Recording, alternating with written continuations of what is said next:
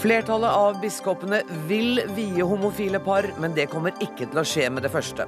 Full splittelse på bispemøtet, som heller ikke nå blir enige om en kirkelig velsignelse av homofile. Ny tomtefestelov kan sette folk på gata, det mener Tomtefesteforbundet. Skremselspropaganda, svarer Skogeierforbundet. Skal vi tenke positivt, eller bare ta en lykkepille? Psykologene strides om hva som gir oss bedre mental helse.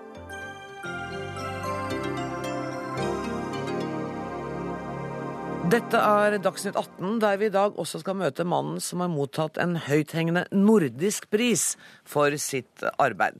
Han kommer mot slutten av sendinga. Aller først. Åtte av tolv biskoper vil vie homofile i Den norske kirke. Likevel bestemte bispemøtet i dag at slik blir det ikke. Et kompromiss om forbønn ble heller ikke godtatt av mindretallet. Så hvordan blir det nå, preses i bispemøtet Helga Haugland Byfuglin? Vi har i dag levert en uttalelse som deler oss i et mindretall og et flertall. Og flertallet har, som ble nevnt, gitt uttrykk for et ønske om å kunne vie likekjønte par i kirken. Til tross for det så har vi gitt vår anbefaling om at Kirken nå utvikler forbønnsliturgi for likekjønnet ekteskap inngått borgerlig. Ut fra en situasjon i Kirken som vi mener kaller på en eh, evne til å tenke samlende.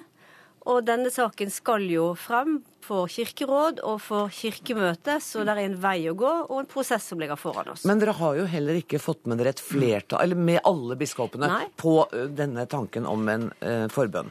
Nei. Eh, når vi startet vårt møte, så visste vi ikke helt hvordan denne saken kom til å gå. Og etter hvert så viste det seg at vi ble værende i et mindretall og et flertall. Og det gir uttrykk for at vi har en ulik oppfatning av hvordan vi skal vurdere ut fra et teologisk sted likekjønnet ekteskap. Ja, Du sier å, å, vurdere det ut fra et teologisk ståsted, men meg minner det vel så mye om politiske forhandlinger?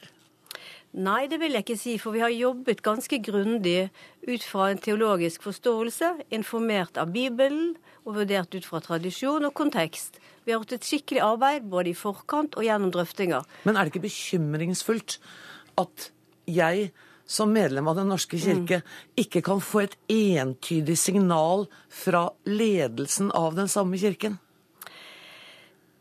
Ut fra mitt perspektiv skulle jeg jo ønsket det, men det er ikke situasjonen. Og det avspeiler nok det mangfoldet som er i kirken vår på dette synspunkt, og det er også til stede i bispemøtet.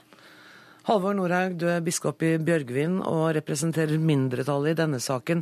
Det er jo en erkjennelse fra bispemøtet om at dette er en alvorlig splittelse, men dere konkluderer med at når det gjelder evangeliet, så står dere fortsatt samlet. Igjen, hvordan skal jeg som medlem av kjerka tolke det? Ja, det er jo fra vår side ment å skille mellom det som er kirkas hovedsak, og det som ikke er hovedsaken. Og vi vil gjerne si til deg og til alle som følger med, at eh, kirka ble ikke stiftet først og fremst for å mene noe om homofilt samliv, men for å fortelle folk om, eh, om, Jesus Kristus som Guds sønn, vår bror og vår frelser. Det er evangeliet. Mm. Og så er det mange spørsmål i livet som knytter seg til kristen tro, som kirka har vært uenige om i, i mange sammenheng. F.eks. det gjelder er det rett å ta liv? Kan en kristen være soldat? Mm. Skal man, kvinner tie forsamlinger? Ikke sant? Ja. Altså Dette spørsmålet om uh, en kristen kan være soldat, f.eks., det begynte man å diskutere allerede i romertiden. Så det har vært mange diskusjoner, og nå er vi der at vi snakker om homofil samliv. Og det er legitimt, og det er jo vi veldig opptatt av i vår utdannelse, det er legitimt å være uenige om dette, og vi holder sammen på tross av den uenigheten. Dette er ikke kirkas hovedsak. Men dere erkjenner at dette er en alvorlig splittelse i kirkens ledelse, står det i eh, den pressemeldingen som er sendt ut? Ja, altså Vi erkjenner at dette er et alvorlig spørsmål for kirka, men vi erkjenner ikke uten videre at dette er en alvorlig splittelse i kirkens ledelse. Kirka har jo allerede i mange mange år levd med flere oppfatninger om, om, om denne saken her. Trygve Willer, dekan ved Det teologiske fakultet ved Universitetet i Oslo. Er du lei for at ikke bispemøtet i hvert fall kunne enes om en forbønnsanbefaling? Nei, men jeg er ikke overrasket at de ikke kunne det. Det, det er kjent for oss som følger med, at uh, her er det uenigheter. Jeg tror jeg vil uh, si litt høyt sagt at det er historisk at åtte av tolv biskoper i Den norske kirke går god for at det er læremessig grunnlag for å vie likekjønnede par i kirken. Hvor står du? Nei, jeg deler det flertallet. Eh, men det interessante er faktisk historisk den store endringen som dette faktisk er. At det finnes et mindretall som har vært mye større før, det er ikke noe oppsiktsvekkende. Det oppsiktsvekkende er den historiske forandringen dette er. Men det betyr jo ingenting for homofile som vil vies nå? Eh, nei, men det er et signal fra læreembetet i Den norske kirkes markante flertall om at her har det skjedd en endring i løpet av de siste 20-30-40 årene. Fra en klar avvisning av at det overhodet kunne reises, til nå 8 av 12 som sier at det ikke bare kan reises, men det er teologisk mulig å reise det. Og riktig svar er ja. Jeg tenker vi, vi må ta, vi En ting er kirkepolitikk, det er ikke så lett å få dette til. Men jeg tror det er viktig på en dag som en dag å holde fast det historiske og de lange linjene som her skjer. Og også viktig å, å si til eller anerkjenner mindretallets nå eh, erklæring om at dette faktisk ikke er kirkesplittende, og at vi står sammen om det grunnleggende, nemlig evangeliet. Så, så jeg mener at også mindretallet her har eh, landet på den avgjørende punktet at her er det ikke kirkesplittende. Og det mener jeg er et viktig budskap fra de norske biskopene samlet sett at det ikke er. Og Sånne ting tror jeg er viktig nå å kommunisere videre i den debatten som kommer i Kirken. ja, for det er, det, det er, akkurat det punktet der er vanskelig å forstå. Dere insisterer på at det ikke er kirkesplittende, men det er altså et veldig sentralt spørsmål jo. for veldig mange mennesker. Jo, men det, det, er jo mange nivåer i kirkesplittene. Ja, ok. Her, det grunnleggende er at ingen forlater kirken pga. dette, dette, fordi vi hører til i den samme kirke, mm. alle sammen. Det grunnleggende er at det som på en måte ligger i bånn her, er at Jesu kjærlighetsbudskap gjelder alle, heterofile og homofile, så er det uenighet om løsningen når det gjelder vielse av likekjønnede par. Og det er en grunnleggende og vanskelig uenighet. Men poenget er altså like viktig at det har skjedd en endring i fordel eh, dette synspunktet. Og det tror jeg i løpet av ikke så mange, mange år kommer til å vinne frem og bli Kirkens syn. Og det er skapt en, en tettere forbindelse mellom flertallet i bispemøtet, læreembetet og vanlige kristne i Norge. Jeg tror det er stor glede nå hos ganske mange mennesker over at dette skjer. Og Det har gitt en legitimitet og en åpenhet til at dette standpunktet faktisk ikke bare er mulig, men helt i orden. Skulle du ønske at man hadde endt opp med et kompromiss med en forbønnsanbefaling? Eh, jeg tror egentlig at jeg vil ta ett skritt tilbake fra den kirkepolitikken som det innebærer. Jeg, jeg, skjønner at det var et forsøk på kompromiss som altså ikke lyktes. Så får vi se hva de alle kirkelige organene gjør. Men jeg tror jeg vil synes det er mye viktigere at det er et flertall for vielse mm. som står fast, og som ikke endrer seg med For at ingen vet hva dette ender med i kirkepolitikken om et halvt år. Det kan skje mange ting. Kan det det, Byfuglund? Kan det bli sånn at i, om et halvt år så vil man kunne vie homofil? Nei, Det vil ikke kunne skje, for nå skal dette gjennom Kirkerådet, og så skal det til første behandling i Kirkemøtet i april. Og så kan man der, bør man, der gjøre et vedtak, etter min oppfatning, som fører prosessen videre. Så skal det utvikles liturgier eventuelt, og de må vedtas i 2015. Så så raskt kommer det ikke til å skje. Og hvordan eh, den eh, konstellasjonen vil være i kirkemøtet, vet jeg ikke. Og det skal være et nytt kirkemøte i 2016. Så eh, det vi har lagt vekt på, det er å være tydelig på vår posisjon i forhold til det store spørsmålet, som jeg tror betyr noe for ganske mange. Samtidig som vi i dag anbefaler forbønn. Og det mener jeg er et betydelig skritt, for det gir en aksept for det samlivet som mange har inngått borgerlig.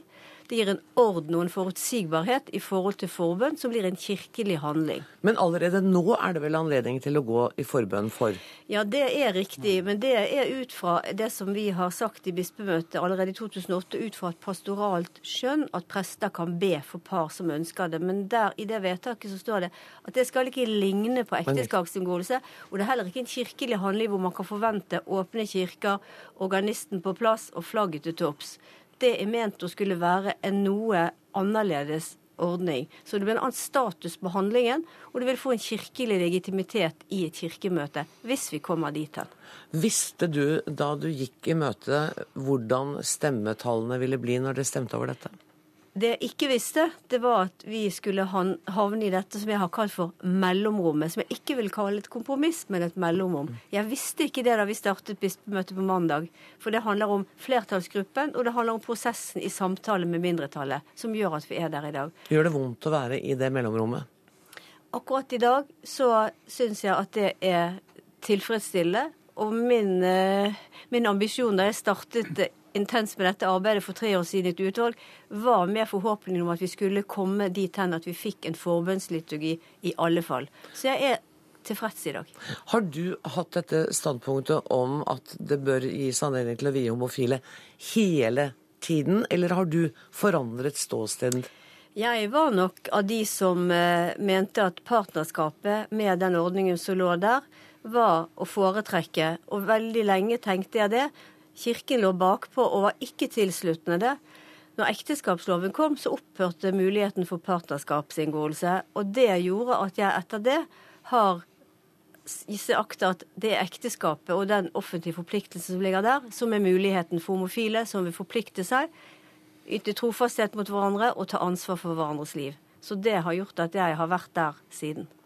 Halvor Norhaug, kan det hende at du også kommer til å forandre standpunkt? Det er bare statuer som ikke endrer holdning. Så det, det jeg, jo, jeg, snakker jo nå uh, på en helt annen måte om, om homofilt samliv enn jeg gjorde for, for 20 år siden, og det gjør vel de fleste i Norge.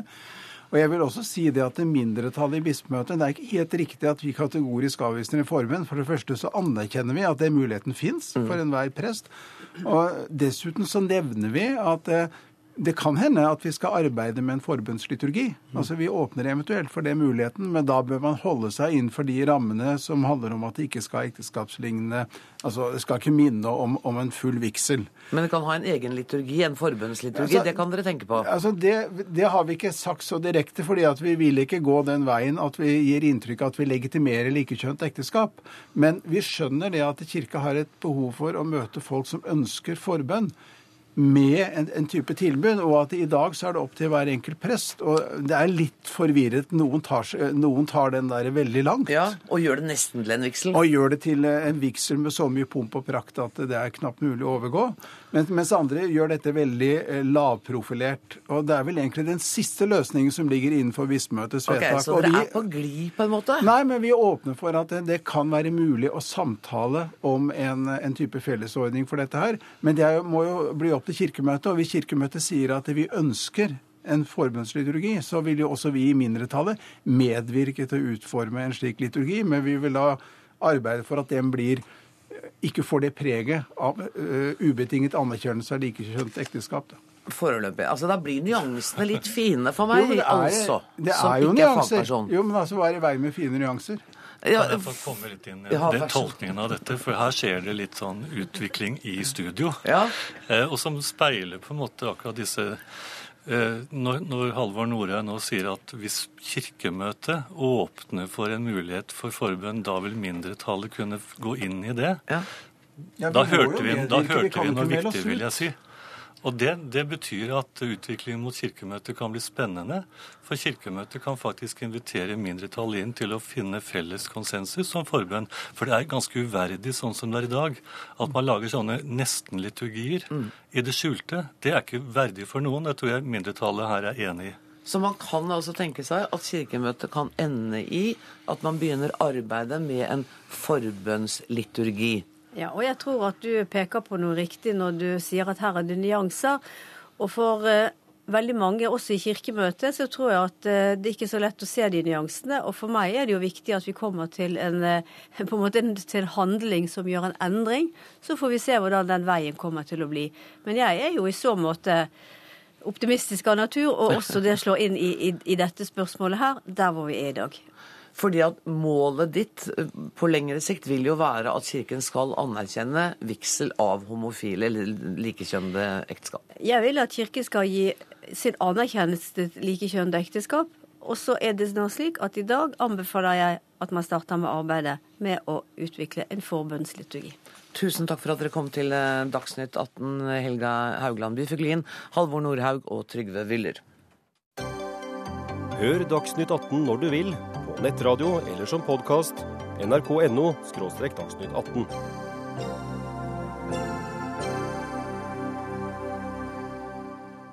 But let's be clear uh, there are no winners here.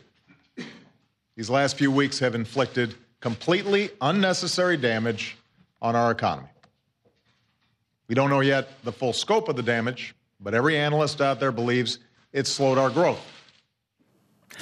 Det var president eh, Barack Obama. Etter tre, et tre uker langt drama i den amerikanske kongressen er altså nå over i tolvte time. For i dag morges undertegnet presidenten et midlertidig budsjett som sier at USA kan heve gjeldstaket, men bare fram til februar. Da kan nemlig den spente situasjonen mellom republikanerne og demokratene oppstå på ny. Og USA-korrespondent Gro Holm, hva innebærer den budsjettavtalen som nå republikanerne og demokratene er blitt enige om? Gjeldstaket er som du forlenget fram til, sa, forlenget fram til 7.2, men budsjettet gjelder egentlig bare fram til 15.1. Så altså innen eh, midnatt eh, eller natt til 15. januar så må man ha kommet fram til et eh, nytt budsjett. Og da ventes det jo at de samme kampene starter om igjen, eller i hvert fall lignende kamper starter om igjen.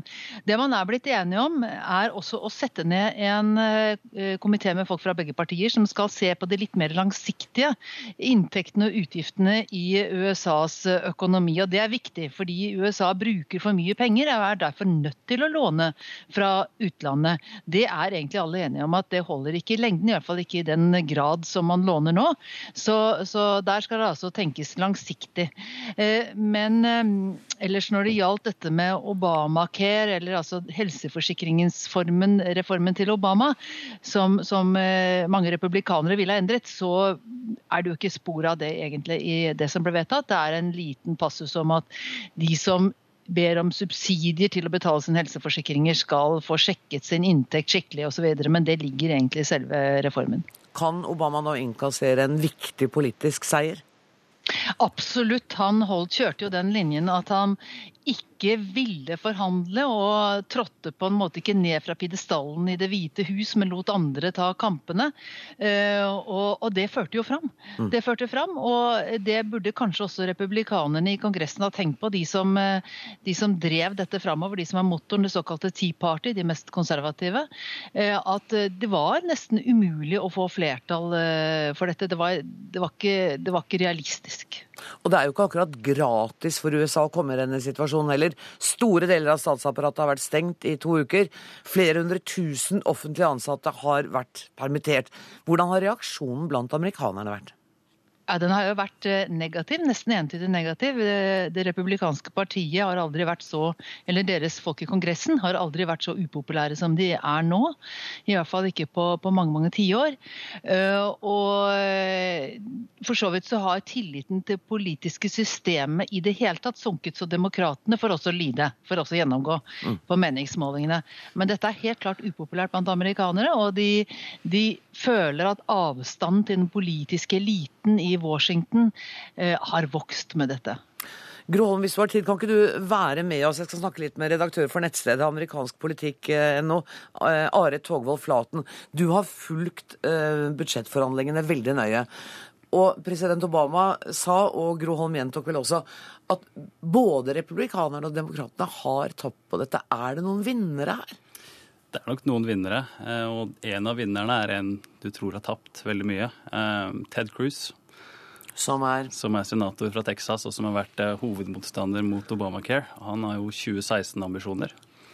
Og det har styrka hans posisjon overfor Tea Party. Han er samtidig en taper, og det som er bra for Cruise, er ikke nødvendigvis bra for partiet, ikke sant? som er en av de store taperne her, det republikanske partiet.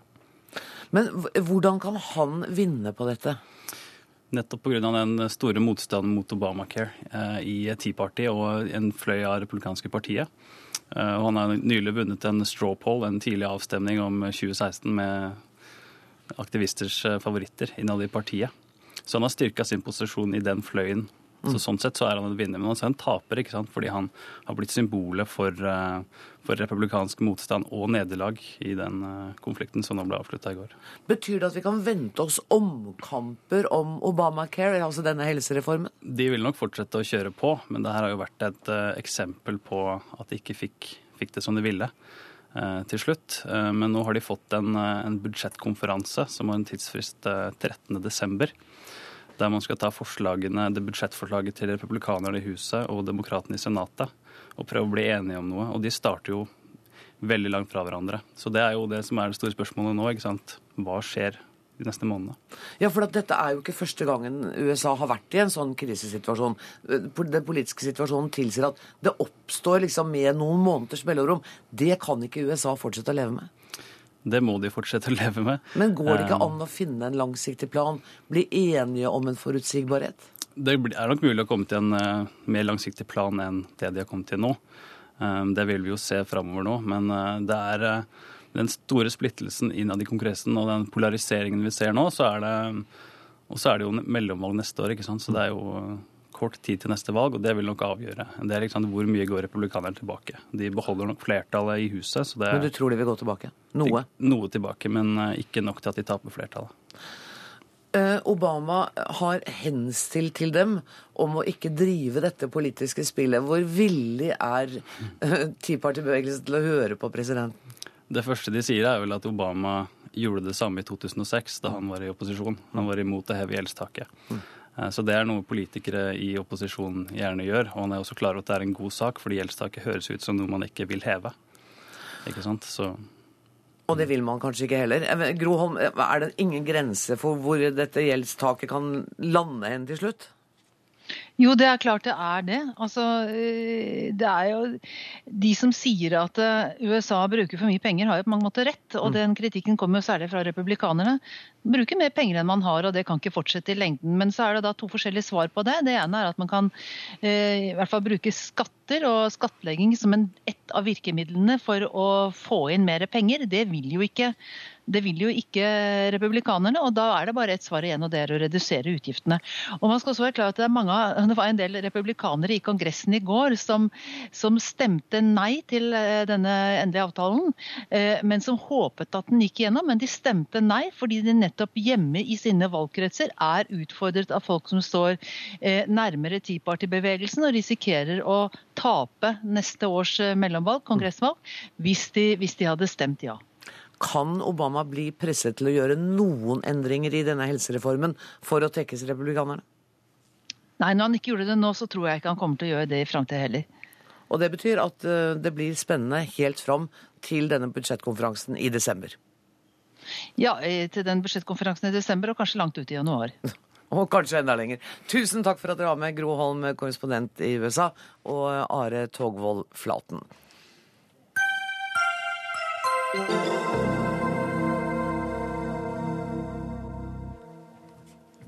Menneskerettighetsdomstolen i Strasbourg har dømt Norge fordi tomtefesteloven er i strid med menneskerettighetskonvensjonen. Nå har et utvalg sett på muligheten for å omforme loven i pakt med menneskerettighetene, og det kan bety høyere tomteleie for mange.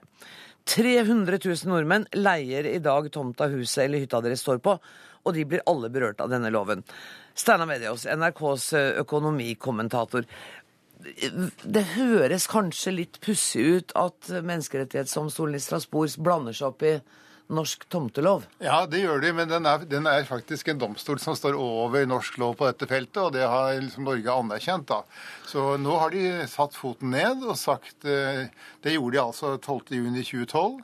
Og sa at Norge har behandlet eierne for dårlig og leierne for godt, for å si det litt enkelt. Det betyr at domstolen mente at verdistigningen på disse eiendommene som man leide, den skulle også eieren ha noe glede av, og skulle ikke i sin helhet tilfalle leieren. Så derfor måtte da eh, altså Staten hadde jo rota det til, og staten måtte rydde opp og satte da i gang denne utredningen som vi sitter her for nå, som da baner vei for et nytt lovverk i Norge. Og hva er det dette tomtefesteutvalget har kommet fram til?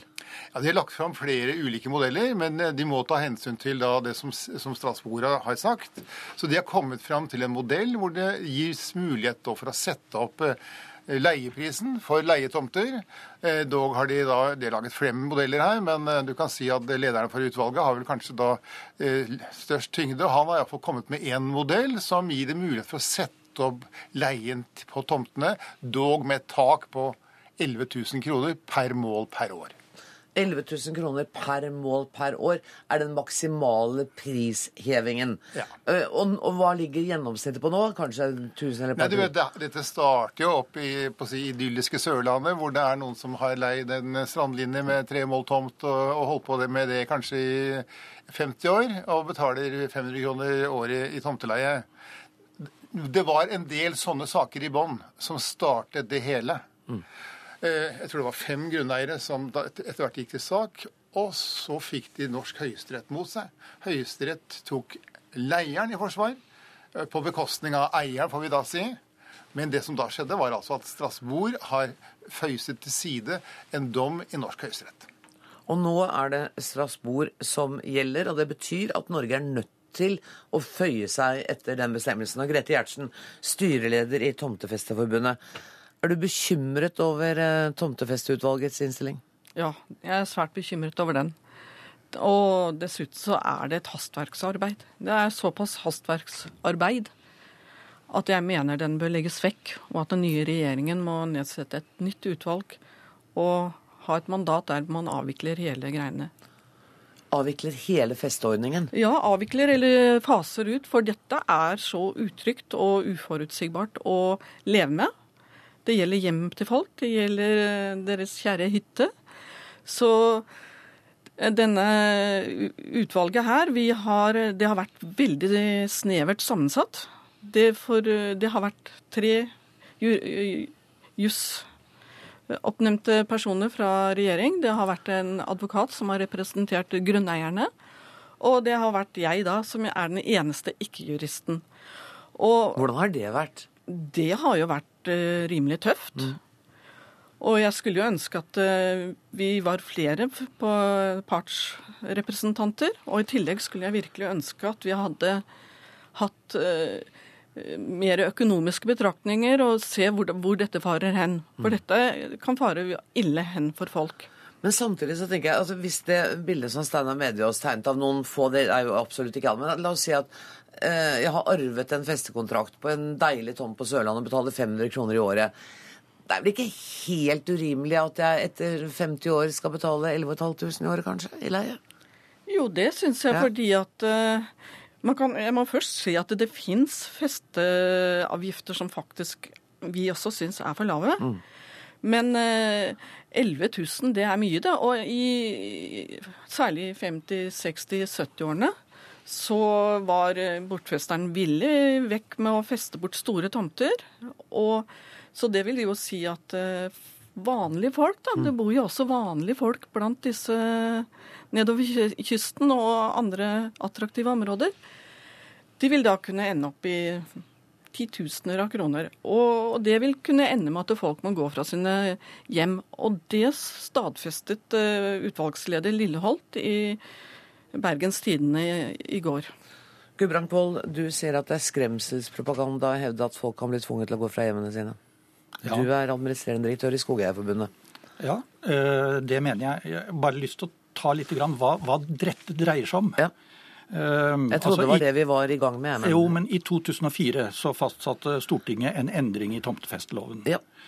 Og siden den så har du hatt denne uklarheten. Og derfor er vi fornøyd med at man nå, ti år etter, kommer med en løsning som jeg vil si er ganske balansert. Og det var det Strasbourg ba om. Husk at tomtefeste det var en måte man etter krigen finansierte bygging av hus og hytter på. Da slapp man å kjøpe tomten. Man inngikk en leieavtale isteden. På 99 år ofte. På 99 eller 49 år. Det var veldig vanlig. Og det er de vi snakker om. Det er de avtalene som er tidsbegrenset. Og det er bare det denne saken dreier seg om. Det gjelder de tidsbegrensede avtalene når tiden går ut. Da sa Stortinget plutselig at nå fikk leietakeren rett til å leie videre på ubegrenset tid med samme vilkår som tidligere. Mens den som jo har leid ut, har sett i mellomtiden at samfunnet har endret seg.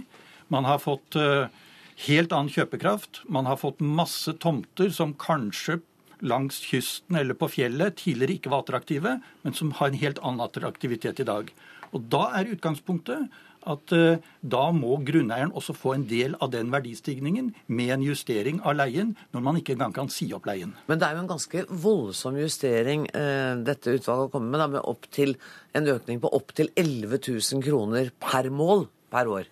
Nei, det er det ikke. Men husk at Hvis du det har er 30 mål, så blir det noen penger. Jo, det blir det, men husk at dette er makstaket Ja. som er lagt inn. Og det har vi for så vidt vært enige om at man trenger et makstak. Men det betyr at man i utgangspunktet skal ta basis i hva er markedsprisen på tomta. Og er markedsprisen 50 000, så blir med utvalgets forslag 5% av det. Det blir ikke mer enn 2500. Men er Så, så poenget det er at det blir skremselspropaganda å bruke disse 11 000 hele veien. Og det vi også ser, det er at ja, det er noen som har tatt, fått store tomter. De har nesten ikke noe pris. De får lov å overta dem eller innløse dem veldig billig. Og så legger den nye eieren ut disse tomtene og gjør en stor gevinst. Er du enig med Gjertsen i at hele ordningen bør utfases? Nei. Jeg tror at det at man kan velge Enten så går man i banken og låner penger og kjøper en tomt, eller man sier man inngår en leieavtale. Det tror jeg er en frihet som kan passe både eh, de som bygger, og det kan passe mange grunneiere. Ja, da må jeg si at det føles ikke som en frihet for festere i dag. De inngikk en eh, Dette var en de inngikk noe som de trodde skulle være helt annet, som hele samfunnet sa var noe annet. Bankene sa det var noe annet. Nå, men jeg vil komme tilbake til det med markedet. Det er, det er ingen i dag som vil kjø, feste en tomt til 11 000 kroner per mål. Vi har undersøkt markedet. Og hytter fra, som eh, har blitt festet bort, eller som nå ligger ute på markedet, på attraktive områder, de ligger mellom 4000 og 6000. Da er det veldig merkelig, syns jeg, at det er folk som faktisk har innrettet seg på intensjonen til festeordningen, det var en rimelig inngang på å få seg et hjem. At de skal nærmest dobles i forhold til de som velger i dag. Og noe som man ikke tar med, det er at faktisk de aller, aller fleste som har en festetomt i dag, de har pga. forståelsen av at dette er så trygt og eh, sikkert Forutsigbart, ja. Mm. forut, At det skulle være forutsigbart. De har betalt det som, som om det var en eietomt. Eie og festetomt har hatt samme pris. Fordi forståelsen av dette har vært, vært på den måten. Altså av eh, eiendomsmeglere, bankinstitusjoner, selv jurister har følt det slik.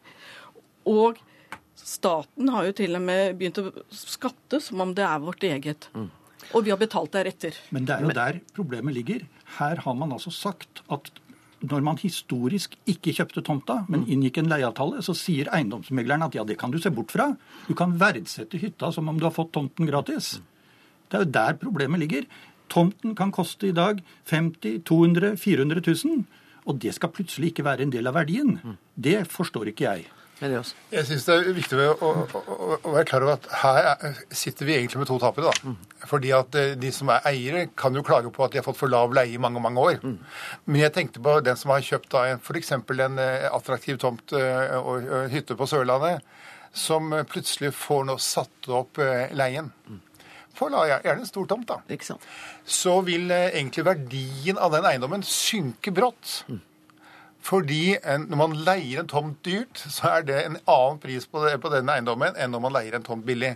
Og da er det spørsmål hvem har ansvaret for de tapene som er påført både eiere og leiere. Og da tenker jeg i utgangspunktet staten har rotet det skikkelig til. Staten må rydde opp. De må finne til en løsning som ikke skaper nye konflikter i fremtiden. Men hvem som skal ta regningen, det er altså da et åpent spørsmål. Og jeg vil tippe at vi, alle her syns det er greit å peke på staten, for det er der pengene sitter. Men er dette da en varm potet for den nye regjeringen? Ja, det er, på en måte så er det jo det. Men nå kan du jo si at det, altså, hvis det er noen som sier at det er Arbeiderpartiet som har, som har eh, overkjørt småkårsfolk, så er det faktisk feil. fordi det var jo Storberget som virkelig kjørte da leiernes sak. Og han kjørte det så langt at han stanget hodet i veggen i Strasbourg. Og de har fått beskjed om at den norske rettspraksisen på dette feltet som altså ble beskyttet av Høyesterett. Det var feil. Det må gjøres om. Og da eh, må den nye regjeringen stå for dette. Og da må vi se hva som skjer med dette utvalgsarbeidet. Tusen takk for at dere kom til Dagsnytt 18. Gudbrand Kvål, Grete Gjertsen og Steinar Mediås.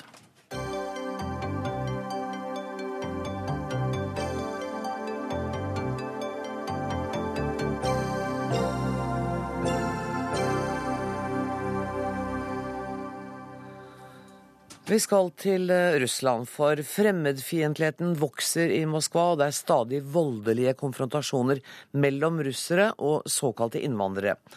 Etter at en 16 år gammel tsjetsjensk gutt ble anklaget for drapet på en russisk mann, gikk tusenvis av mennesker i tog mot innvandrere sist søndag. 1200 av demonstrantene ble arrestert etter opptøyer. Julie Wilhelmsen forsker ved Avdeling for Russlandsstudier. Forklar meg, hvem er disse innvandrerne som russernes sinne nå er rettet mot? Det er en veldig veldig stor gruppe, for noen av dem er jo ikke innvandrere overhodet, men egentlig russiske borgere, men da fra Nord-Kaukasus, hvor det bor folk med en annen etnisk opprinnelse, og stort sett ulike muslimske folkeslag. Så det er den gruppen fra Nord-Kaukasus. Og så er det en stor gruppe fra det som tidligere var del av Sovjetunionen, men som i dag er uavhengige stater i, i Sentral-Asia eller i Kaukasus. Så det kan være usbeker eller tajikker eller eh, alle de ulike folkeslagene som bor i, eh, i de sentralasiatiske eller kaukasiske statene i dag. Og som eh, naturlig reiser eh, til Moskva pga. den gamle forbindelsen. Fordi mm. deres eh, land ofte er veldig fattige, og man får jobb eh, i Moskva. Er det, det som er, er det en, en sånn klasseskille, fattigdomsproblematikk, som ligger bak disse opptøyene? Eh, ja, det kan du si. fordi at eh, de fleste som deltar, også som blir en slags sånn mobb, da, som, og som roper eh, Russland for russere, er eh, stort sett den lavere sosiale klasse, mm. eh, for å si det sånn. Men så er det jo en en, en, en fremmedfiendtlighet som eh, har vokst fram i, i Russland, eh, som dreier seg om at eh, Jeg vil si helt fra eh, Tsjetsjenia-krigen, den andre Tsjetsjenia-krigen begynte, så er det en, en slags tegning av eh, de som bor i Nord-Kaukasus som eh, som terrorister og, og banditter, og dette er også en tradisjon som egentlig går lenger tilbake og som skaper fremmedfiendtlighet mot dem, og som så bare på en måte smitter over på, på en, en, stor stor gruppe mennesker, som russerne da kaller for, eh, for tsjornie, stort sett, altså svartinger. Hva er Putins rolle i dette? Hvordan takler han dette? Ja, den er jo egentlig ganske paradoksal. fordi at på den ene side så har jo han vært den som mobiliserte sterkt f.eks. For i forbindelse med krigen i, i Tsjetsjenia, og indirekte snakket brukte en veldig tøff retorikk om, om Tsjetsjenia, men som så sklir over på på en måte folk fra Nord-Kaukasus eller muslimer generelt. Eh, det har også vært en del anti-immigrantsnakk den siste tiden. Eh, og I tillegg så er det jo sånn at mm, Putin trenger å artikulere en nasjonal identitet. Og veldig lenge så har man, for det man må, sagt at Russland er multietnisk, multikonfesjonelt og må være det. Samtidig så har vi sett de siste årene så snakker man mer om at, eh, at den russisk-ortodokse kirke og tro er viktig for russisk identitet, at det russiske språket er viktig. Sånn at indirekte så aksentuerer jo han en, en en, mer nasjonalistisk retorikk enn det han har gjort før. Men det er vel en stor gruppe muslimer der? Ja, det er eh, over eh, Offisielt sett er det jo nærmere 20 millioner. Og det er da muslimer som har bodd i Russland over lang lang tid. Og i tillegg så kommer disse store eh, migrantgruppene. Og det er derfor jeg også sier at indirekte mm. så har han eh, nøret opp under noe av denne fremmedfiendtligheten. Men Eh, eh, stort sett så får vi jo høre en insistering på, eh, på toleranse av andre religioner, og på at Russland må og skal være en, en multietnisk stat. Men det er jo en rasisme i dette? Eh, Eller er det ja, ikke det? Eh, det spørs hvordan du definerer rasisme. Jeg vil ikke si, altså Hvis du ser på offisiell retorikk, så vil jeg absolutt ikke si at det er det. Men det er klart at eh, i, i, i, den russiske folkemassen så er denne fremmedfiendtligheten den er voksende. Og store meningsmålingsinstitutter har jo advart om dette lenge. Sagt at følelsen av fremmedfiendtlighet, som da går begge veier, det er jo ikke bare russere mot disse muslimske gruppene, men også andre veien. Mm. Eh, at de, de, tallene har på en måte vært på grensen til, til det eksplosive da hvor det bikker over i vold i de siste fem årene, har disse advarslene kommet. Og nå er jo volden kommet også? Definitivt. og den, den, Så den bryter ut og har gjort det de siste årene eh, med jevne mellomrom, da i, i, russiske, i, russiske, byer. Så kan du jo bevege blikket ned til Nord-Kaukasus og si at her er den jo i full blomst. Her er det jo krig, på en måte. Ja. Men, men, hva gjør Putin? Altså, man er blitt advart mot at dette kan skje. Nå er volden kommet. Kommer den bare til å akselerere? Altså det, ja, jeg kan frykte det. Det som er eh, problemet, er at man for det første at det er vanskelig å gjøre noe med grunnlagsproblemene her. Og at man veldig fort tyr til på en måte kontrollmekanismer som, som innebærer f.eks. For å forby demonstrasjoner, arrestere folk, liksom legge lokk på ting. Eh, og at det fort kommer istedenfor å ta i tur med grunnlagsproblemene, som også dreier seg om korrupsjon eh, i politiet, eh, og som gjør at den jobben politiet burde ha gjort, eh, ikke blir, ikke blir gjort. Og, og, akkurat korrupsjonsspørsmålet har man veldig veldig vanskelig for å få bukt med eh, eh, i Russland. Vanskelig eller manglende vilje til eh, Begge deler. Fordi korrupsjonen går så langt inn i systemet og så langt inn i, inn i politiet, og folk tjener penger på det. Så da må du på en måte velte hele, hele systemet for å få eh, komme over et annet spor, og det er jo eh, folk sjelden villige til. Så på mange måter så er jo Russland tilsynelatende en sterk stat, men likevel veldig svak. for det disse funksjonene da, eh, som har med politi og bare rett og slett at borgerne føler at de er beskyttet, de, de fungerer ikke. Men sosial uro og vold henger jo ofte sammen også med svak økonomi. Hvordan er det der?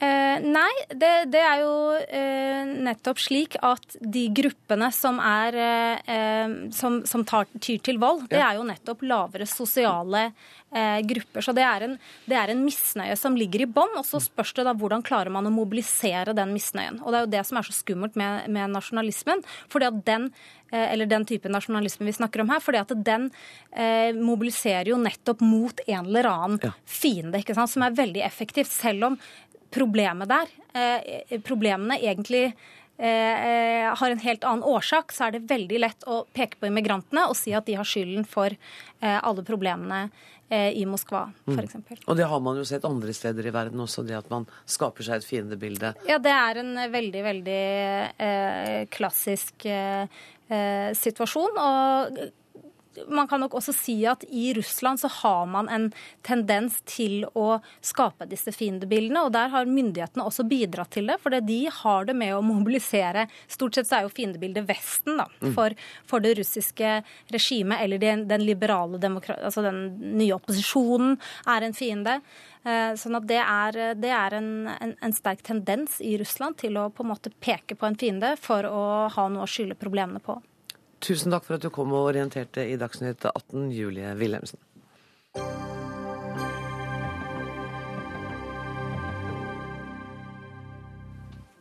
NRK-programmet Oppdrag Lykke forsøker å hjelpe nedstemte og deprimerte mennesker til å leve bedre liv ved bl.a. å tenke positivt. Lykke kan nemlig til en viss grad læres. Det mener i hvert fall tilhengere av såkalt positiv psykologi. Torkjell Vinje, du er psykolog og veileder ved Mind-senteret, som tilbyr denne typen behandling. Aller først, hva er positiv psykologi?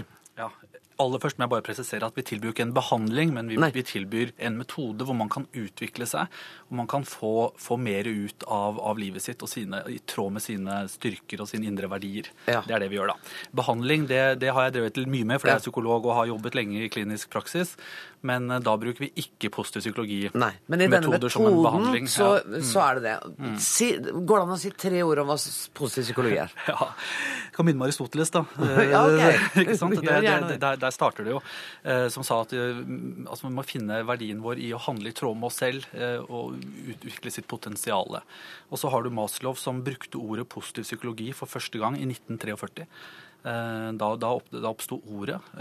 Siden så kom Verdens helseorganisasjon med en deklarasjon om hva helse var. Og da sa de jo at helse er ikke bare fravær av sykdom og, og lidelser og skavanker, det er også tilstedeværelse av mental, fysisk og, og sosial, eh, sosialt velvære. Mm. Altså psykisk helse. Positiv handler jo altså da om hva som gir livet mening, hva som gir god psykisk helse. Så det, det, Du kan si det sånn på samme måte. Hva er mot, da? Hva, hva er mot? Ja. Eh, er, er, det fravær av feighet? Nei, det er noe mer. Samme med lykke. Hva er lykke? Hva, hva er tilfredshet? Er, er det fravær av lidelser? Det er noe mer. Og det er det mere. Det er det over null. Det er der vi er interessert i å finne ut hva er det som faktisk gjør mennesker eh, lykkeligere, gjør at de føler at livet gir mer mening, at de har det bedre, at man, at man enten presterer mer eller, eller, lever mer i tråd med seg selv og har det godt. Og det er De faktorene de finnes, og det er faktisk reelle ting man kan oppdage, utforske og gjøre noe med. Jeg har sett ett av de programmene, og der skulle man i hvert fall utfordre noen av de verste følelsene, nemlig skrekk for uh, høyder uh, ved å rappellere ned en murvegg. Mm. Og det høres banalt ut, men for de menneskene som deltar, så er da dette altså livsendrende også ment som et eksempel på hvordan man kan styre frykten sin, hvordan tankene ja. også er fysiske. Sånn at man kan endre den fysiske kroppsreaksjonen ved å endre tankene. Dette vet vi jo fra psykologien, og veldig mange også har sagt at innenfor psykologien da, og pedagogikken og filosofien så har positiv psykologi brukt veldig mye. Og, og, og det, er, det, er, det, har hatt, det, har hatt, stor effekt. Eh, så, så, så, dette er ikke noe sånn ene, det er ikke noen små intervensjoner. Positiv psykologi er et stort felt uh, som omhandler mye, da, og begrepet lykke er et veldig komplekst uh, tema. Som og litt udefinerbart, uh, kanskje? Nei, vi begynner å definere det ganske okay. presist, men da må jeg ha mer enn ett minutt til. Ja, det får du ikke. Joar Øverås ja. Halvorsen, du er også psykolog. Og uh, du skriver et svar til Torkjell Vinje på NRK Ytring i dag at sitat, man oppnår sannsynligvis like god eller bedre effekt av en lykkepille enn av behandling basert på positiv psykologi. Det var da kraftig, da?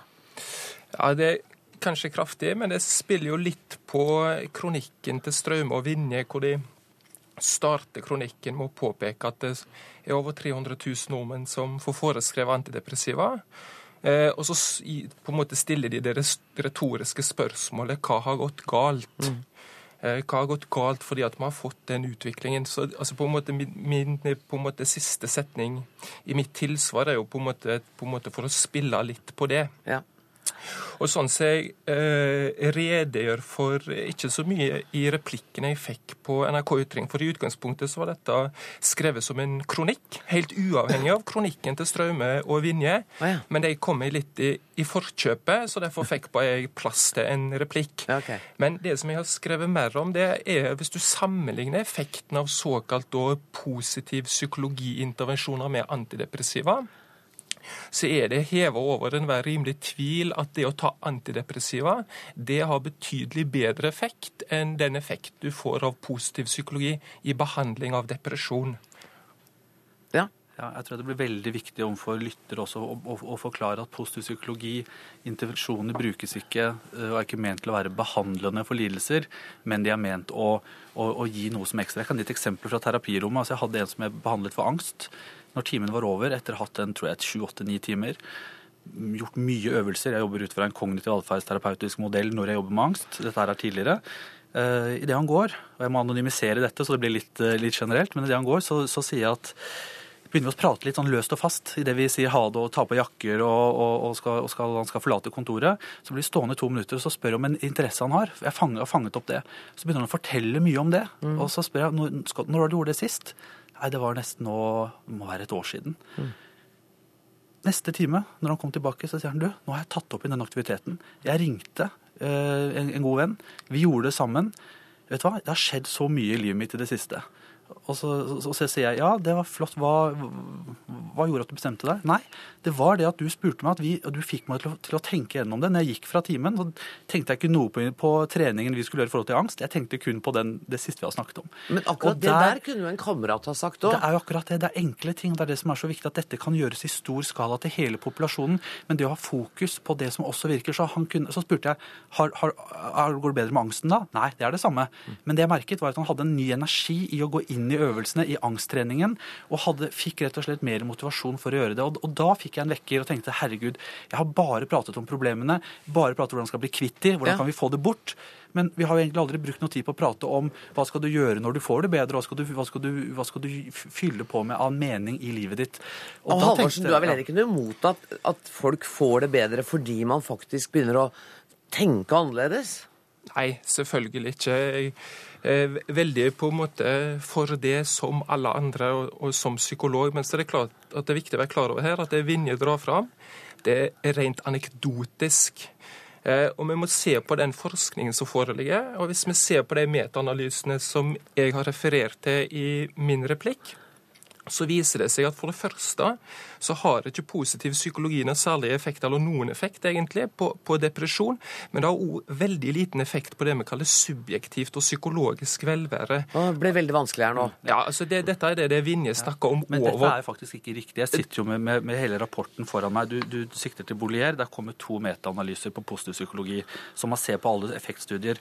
Det den konkluderer med, og det ser du på første siden allerede, allerede, så ser man at den konkluderer med at det har en effekt for subjektiv velvære som har en verdi på 34. Du er opptatt av de verdiene. Og det er en middels god effekt. Og i tillegg så har den faktisk effekt for mot moderat depresjon, som den ikke er ment å- Men nå diskuterer dere en rapport som jeg ikke har lest. Altså Det jeg og lytterne mine vil, vil ha sånn råd om Når jeg ikke har noe bra, burde jeg få behandling med positiv psykologi, eller burde jeg heller be fastlegen min om ei lykkepille? Begge deler. Og, begge, og jeg skal ha begge deler? Selvfølgelig. altså Det kommer an på hva problemet er. For som jeg sa, når jeg jobbet med angst, så kunne jeg ikke bruke positiv eh, psykologi som en intervensjon for å bedre angst. Men det å fokusere på det positive, det å gjøre ting For positiv psykologi kan man anvende ved å gjøre en del atferd. Knytte nære bånd, få nære relasjoner til andre. eh, Gi noe, gi noe til andre. eh, Jobbe med veldedig arbeid f.eks. Gir positive følelser. Dette gir en ny energi som gjør at man kan orke å ta tak i de andre problemene også. Jo, Men det er ikke en behandling i seg selv. er du enig at, bør, at jeg bør gå få begge deler? Ja, jeg tenker at hvis du sliter, så bør du først og fremst oppsøke fastlegen din, og så bør det være opp til den enkelte om en ønsker antidepressiva eller om en ønsker samtalebehandling. Men hvis en ønsker samtalebehandling for psykiske lidelser, så er ikke positiv psykologi det en først og fremst bør bli tilbudt. Nei, det Men vi snakker ikke om psykiske lidelser, vi snakker nå vi om å ha det litt eh, Være litt eh, nedstemt og litt nedfor. Da tenker jeg etter denne samtalen at kanskje det er like greit å ta en prat med en venninne eller en venn. Det er jeg personlig og som, som fagperson òg helt enig i. Ja, Det kan også være lønnsomt, og det er jo alltid sted å begynne, også fastlegen. Men selvfølgelig må kartlegge hva slags problemer man har. Men man kan altså få det bedre gjennom å anvende psyko positiv psykologi og metoder som ligger der. Det har vi sett, og det er veldokumentert. Og det er til og med veldokumentert i den artikkelen som du refererer til også, Joar. Ja, kan ikke det, den Eh, Så det er jo litt viktig å ikke- en studie å jeg ikke har lest. Ja. Ja, Kjempefint. Takk for at dere var med i Dagsnytt 18, Torkjell Vinje og Joar Øverås Halvorsen.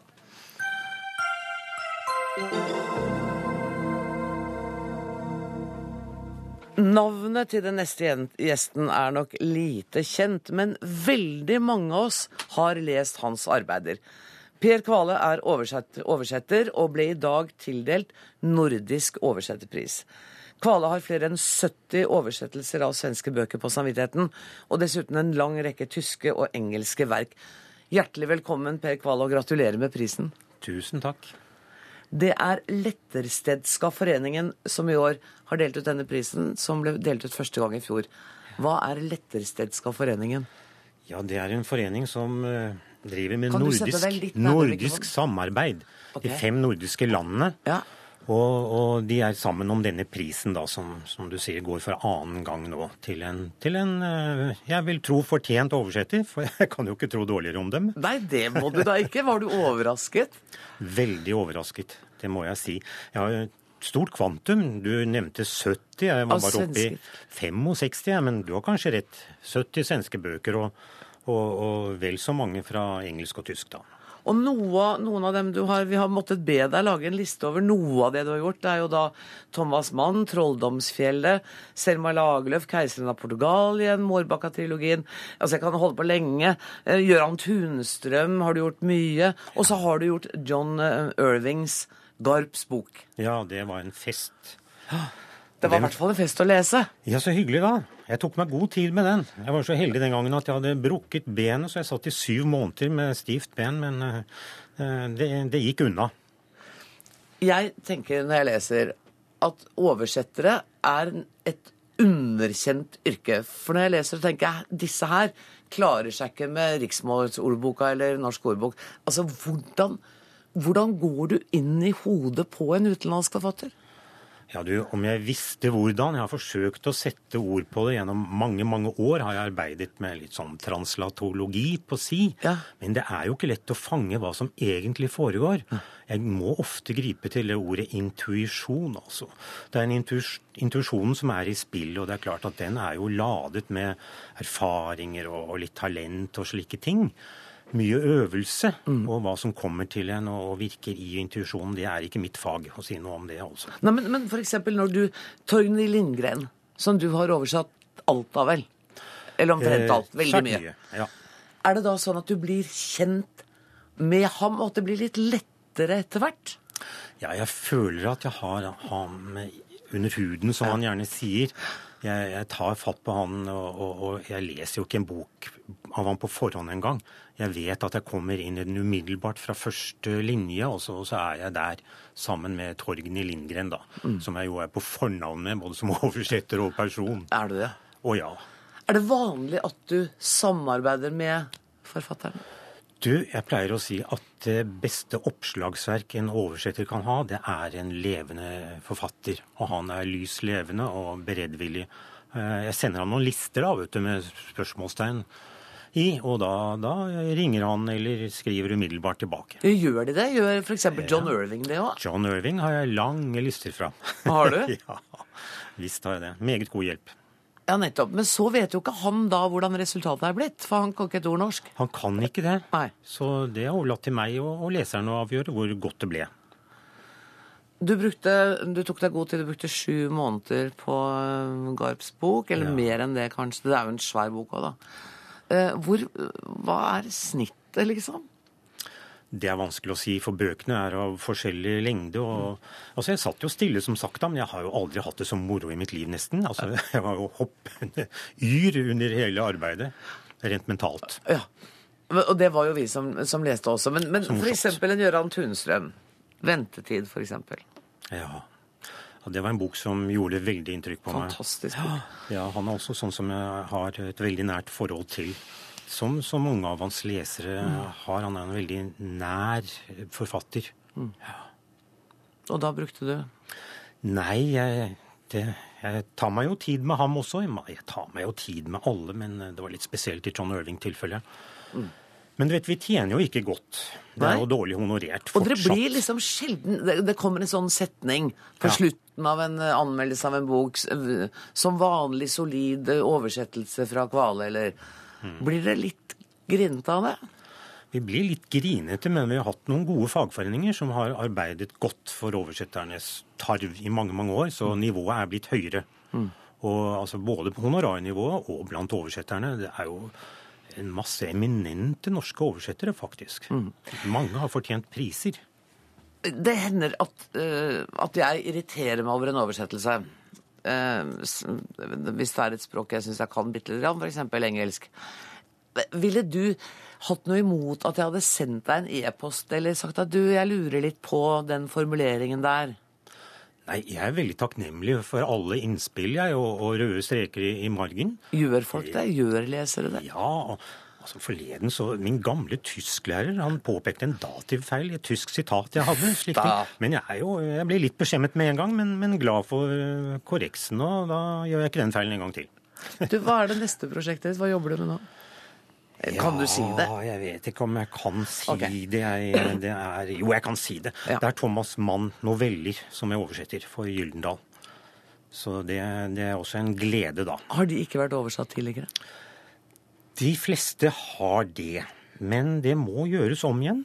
Det må det, enda det var gode oversettelser. De aller fleste svært gode oversettelser. Så er vi, lever vi i en annen tid nå mm. enn for 60 år siden. Og jeg gleder meg til å lese dem. Tusen takk for at du kom til studio i Dagsnytt 18, Per Kvale, og gratulerer nok en gang med prisen. Tusen takk. Dermed er det slutt for i dag. Ansvarlig for eh, sendinga var eh, Dag Dørum, og det tekniske ansvaret har Eirik Stembrodden. Nå er det slutt for i dag. Vi høres i morgen. Takk for nå.